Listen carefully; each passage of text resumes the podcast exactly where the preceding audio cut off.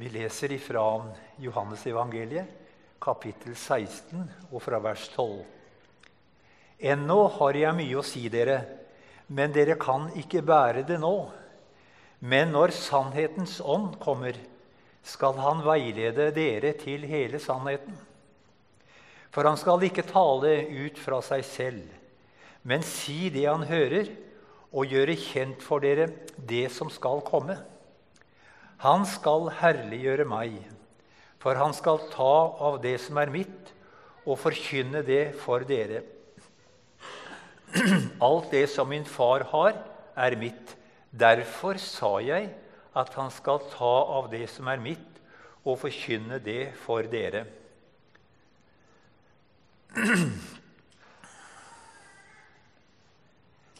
Sannhet, det er et fint ord. Og det er jo et viktig ord.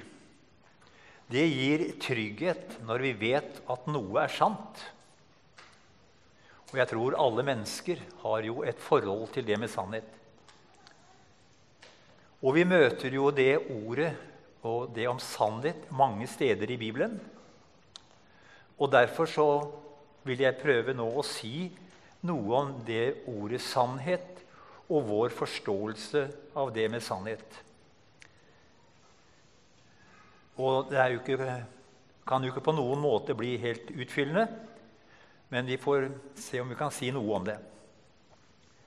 Når noe er sant, så forstår vi det som en riktig beskrivelse av det vi sier er sant. Og det utelukker andre alternativer. I bibelsk, i kristen sammenheng, tenker vi at Bibelen åpenbarer Guds sannhet for oss. Guds ord i Bibelen er i samsvar med de virkelige forhold som Gud har gitt oss å leve under. Leve i og etter Hans plan og vilje, Han som har skapt oss. Og i det spørsmålet så er det ikke andre alternativer. Vi skal merke oss Jesus og Bibelens opptatthet av sannhetsspørsmålet. Bare i denne samtalen som vår tekst er hentet fra, så er det ordet 'sannhet' nevnt mange ganger av Jesus. Og jeg tenker at når Jesus og Bibelen er så opptatt av det med sannhet, så må vi også være det. For det med sannhet er jo også virkelig utfordrende. Og det er et ord som er under veldig press i vår tid, og også i kristen sammenheng. Sannhetsbegrepet blir individualisert. Det som er sant for deg, behøver ikke å være sant for meg. Å hevde at noe er absolutt sant og rett for alle mennesker, vil noen oppleve som frekt og utålelig. Selve ordet 'sannhet' er på en måte under forvitring. Og farlig er det når en slik tanke og holdning kommer inn blant oss kristne. At vi på en måte får en litt avslappet forhold til sannheten, til det Jesus og Bibelen lærer oss at det må forstås og tolkes ut fra sin samtid da det ble skrevet. Og i dag er ting annerledes, så vi kan ikke være bundet av det som ble sagt den gang. Og vi ser at det på en måte er blitt aksept for flere sannheter blant, blant oss kristne. Lære som bryter med Guds ord har fått innpass. Og Jesus er veldig tydelig på at det er farlig å slippe falsk lære inn i menigheten. Jesus sier en gang til sine disipler at det, dere må ta dere i vare for fariseernes og sadukernes surdeig. Og med det så mener han at de skulle passe seg for den lære som fariseerne og sadukerene hadde. Og vi vet at surdeig det er noe som brer seg. Og hvis du putter en liten klump surdeig oppi en svær deig, så vil snart hele deigen være gjennomsyret. Og det er det dette bildet Jesus bruker. Fariseerne var jo lov, brukte loven for å komme i et rett forhold til Gud. Og sadukerene var den tids liberale.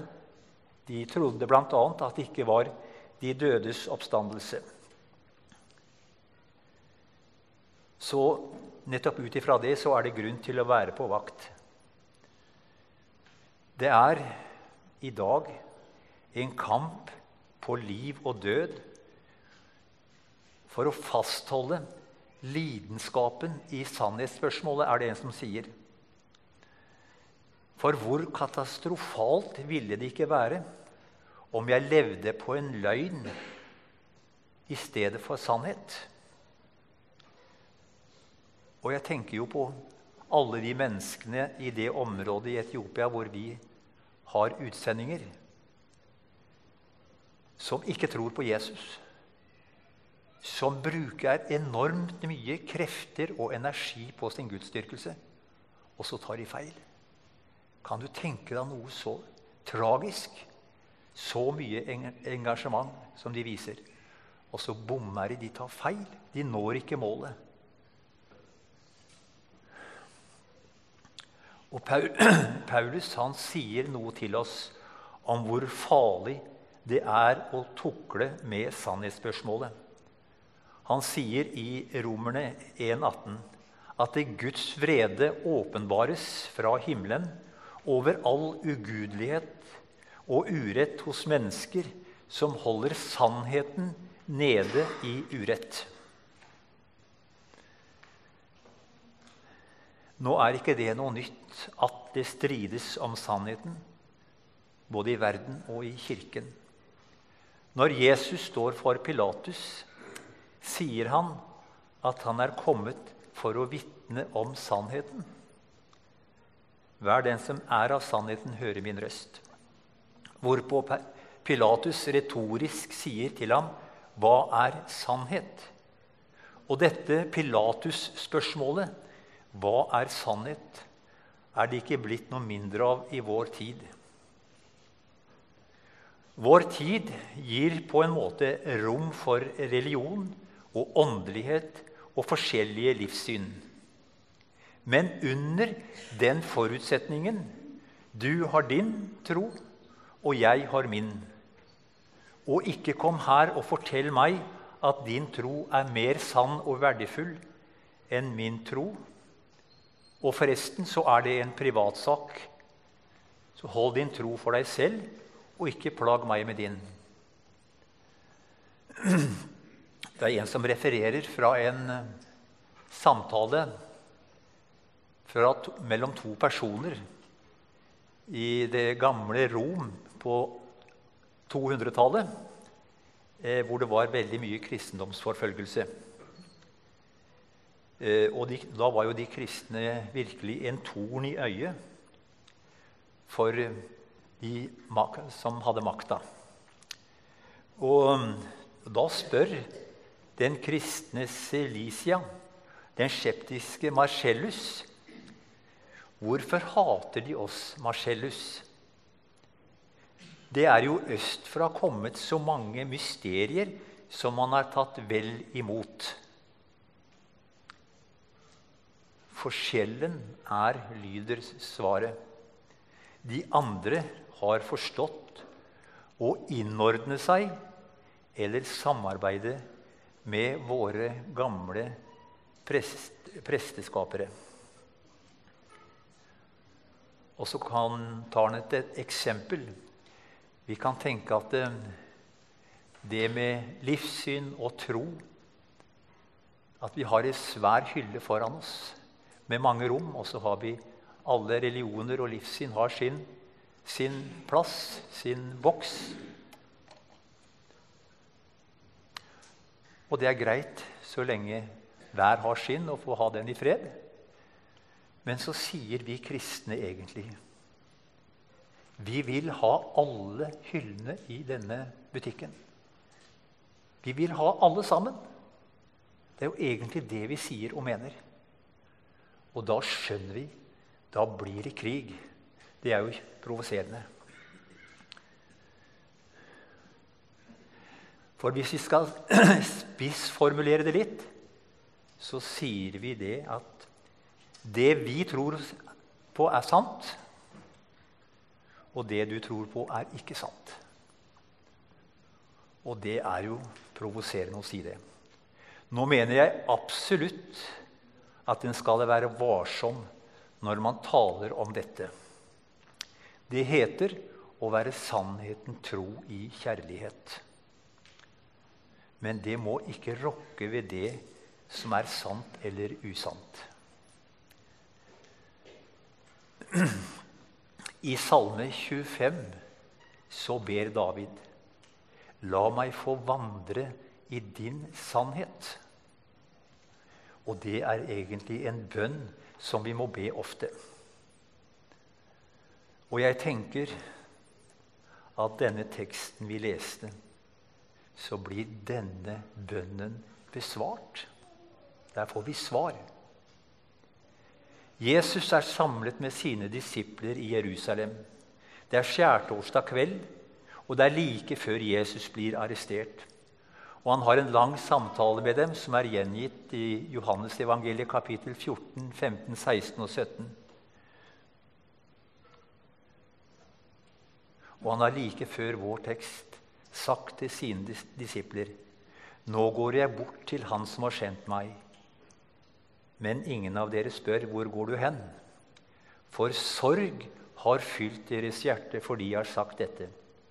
Og det er ikke å undres over at disiplene er i sorg når han som hadde vært deres liv, deres trygghet, han som, kommet, som de var kommet til tro på som Messias, den levende Guds sønn Nå skal han forlate dem. Men han kommer med et løfte til dem, som også er kommet oss til gode. Det skulle komme en som fullt ut skulle erstatte hans nærvær hos hans disipler til alle tider.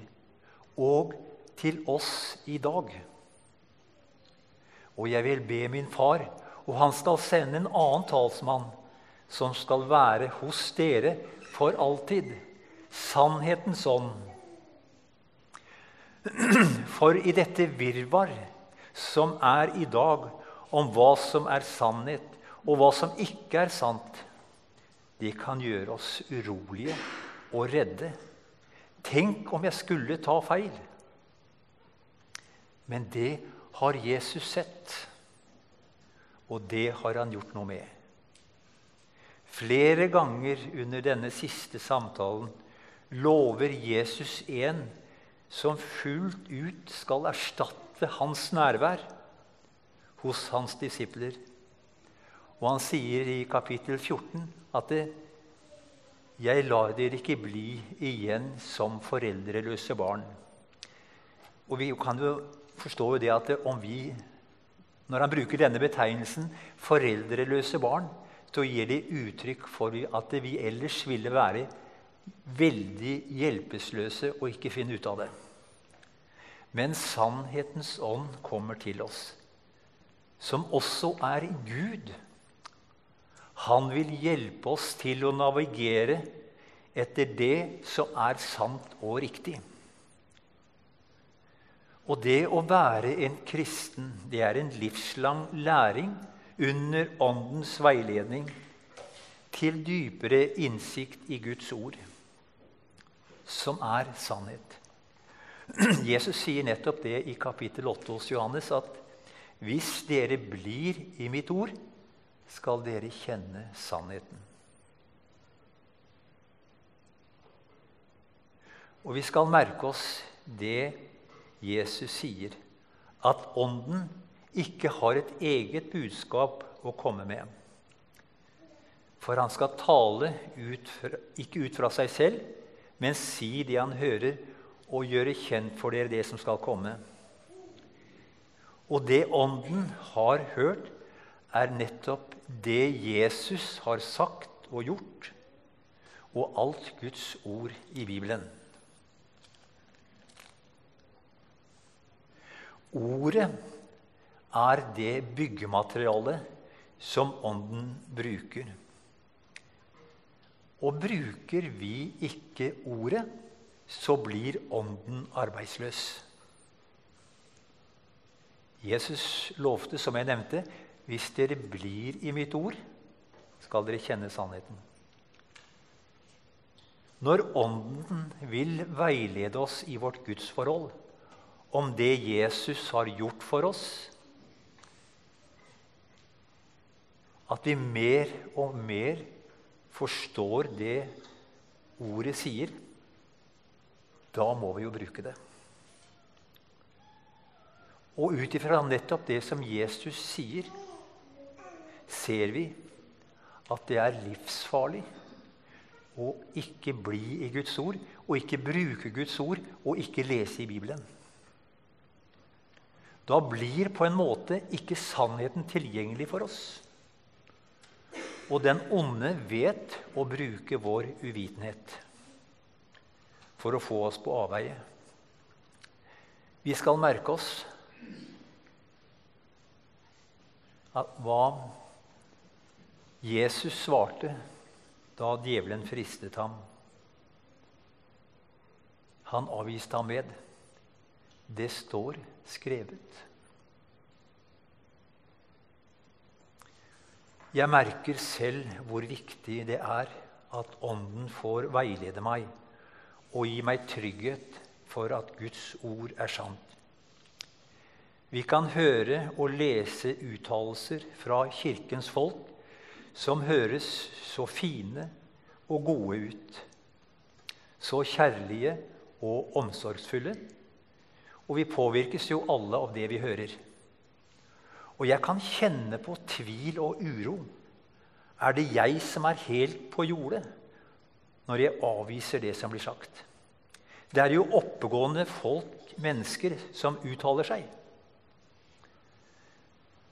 Men så kan jeg kjenne at når jeg leser i Bibelen, at nettopp Ånden kommer og gir meg trygghet og overbevisning om at det Guds ord sier, er sant. Og det gir jo en utrolig lettelse og glede. Jeg står på sikker grunn og kan avvise alt det som bryter med Guds ord. Uansett hvem det kommer fra. Så vi kan si at sannhetens ånd det er et vidunderlig vennskap og kjennskap. Jesus sier at Ånden skal gjøre kjent for dere det som skal komme. Og jeg tror at Jesus med det sikter til endetidshendelsene. Ånden vil på en måte ta det som skjer i tiden, og plassere det inn i Guds kalender. Og gi oss et lite innblikk i den. Og det skjer jo, og har jo skjedd så mye på vår jord de siste årene de siste to årene, kanskje. Verden er ikke lenger den samme. Vi skal være takknemlige for at Ånden vil veilede oss i disse, disse spørsmål. Så vi ikke begir oss ut på spekulative teorier, men en nøktern årvåkenhet for det som skjer i verden i vår tid. Vi er, så vi er våkne når Jesus kommer igjen og skal opprette sitt fredsrike. Og der står det jo noe som er så fantastisk flott å tenke på. Nettopp i den situasjonen som vi er i i dag, med krig i Europa. Og det produseres og brukes våpen i nesten ja, i mengdevis som dreper og ødelegger. Og så står det i Bibelen det skal smies, Våpnene skal smies om til jordbruksredskaper. Det høres helt ufattelig ut, men det står det. Alle disse våpna som blir brukt til å drepe og ødelegge, det skal smies om til landbruksredskaper. Så det blir en fantastisk tid når Jesus kommer igjen og oppretter sitt fredsrike. Og det er jo nettopp det Jesus så gjerne vil ha oss til å få være med i dette fredsriket. At han er så tydelig på det med sannhet. Han vil at vi ikke skal ta feil, så vi går glipp av dette fredsriket og denne evige framtid hjemme hos Jesus. Johannes er vel den av evangelistene som kanskje mest, har mest gjengitt Jesu ord om sannhet. Og det var han også opptatt av i sine brev. Og i sitt andre brev så sier han eh, først hvor farlig det er å ikke ta og avvise Guds ord. Og så sier han at det, den som blir i læren den som blir i læren, har fellesskap med Sønnen og Faderen.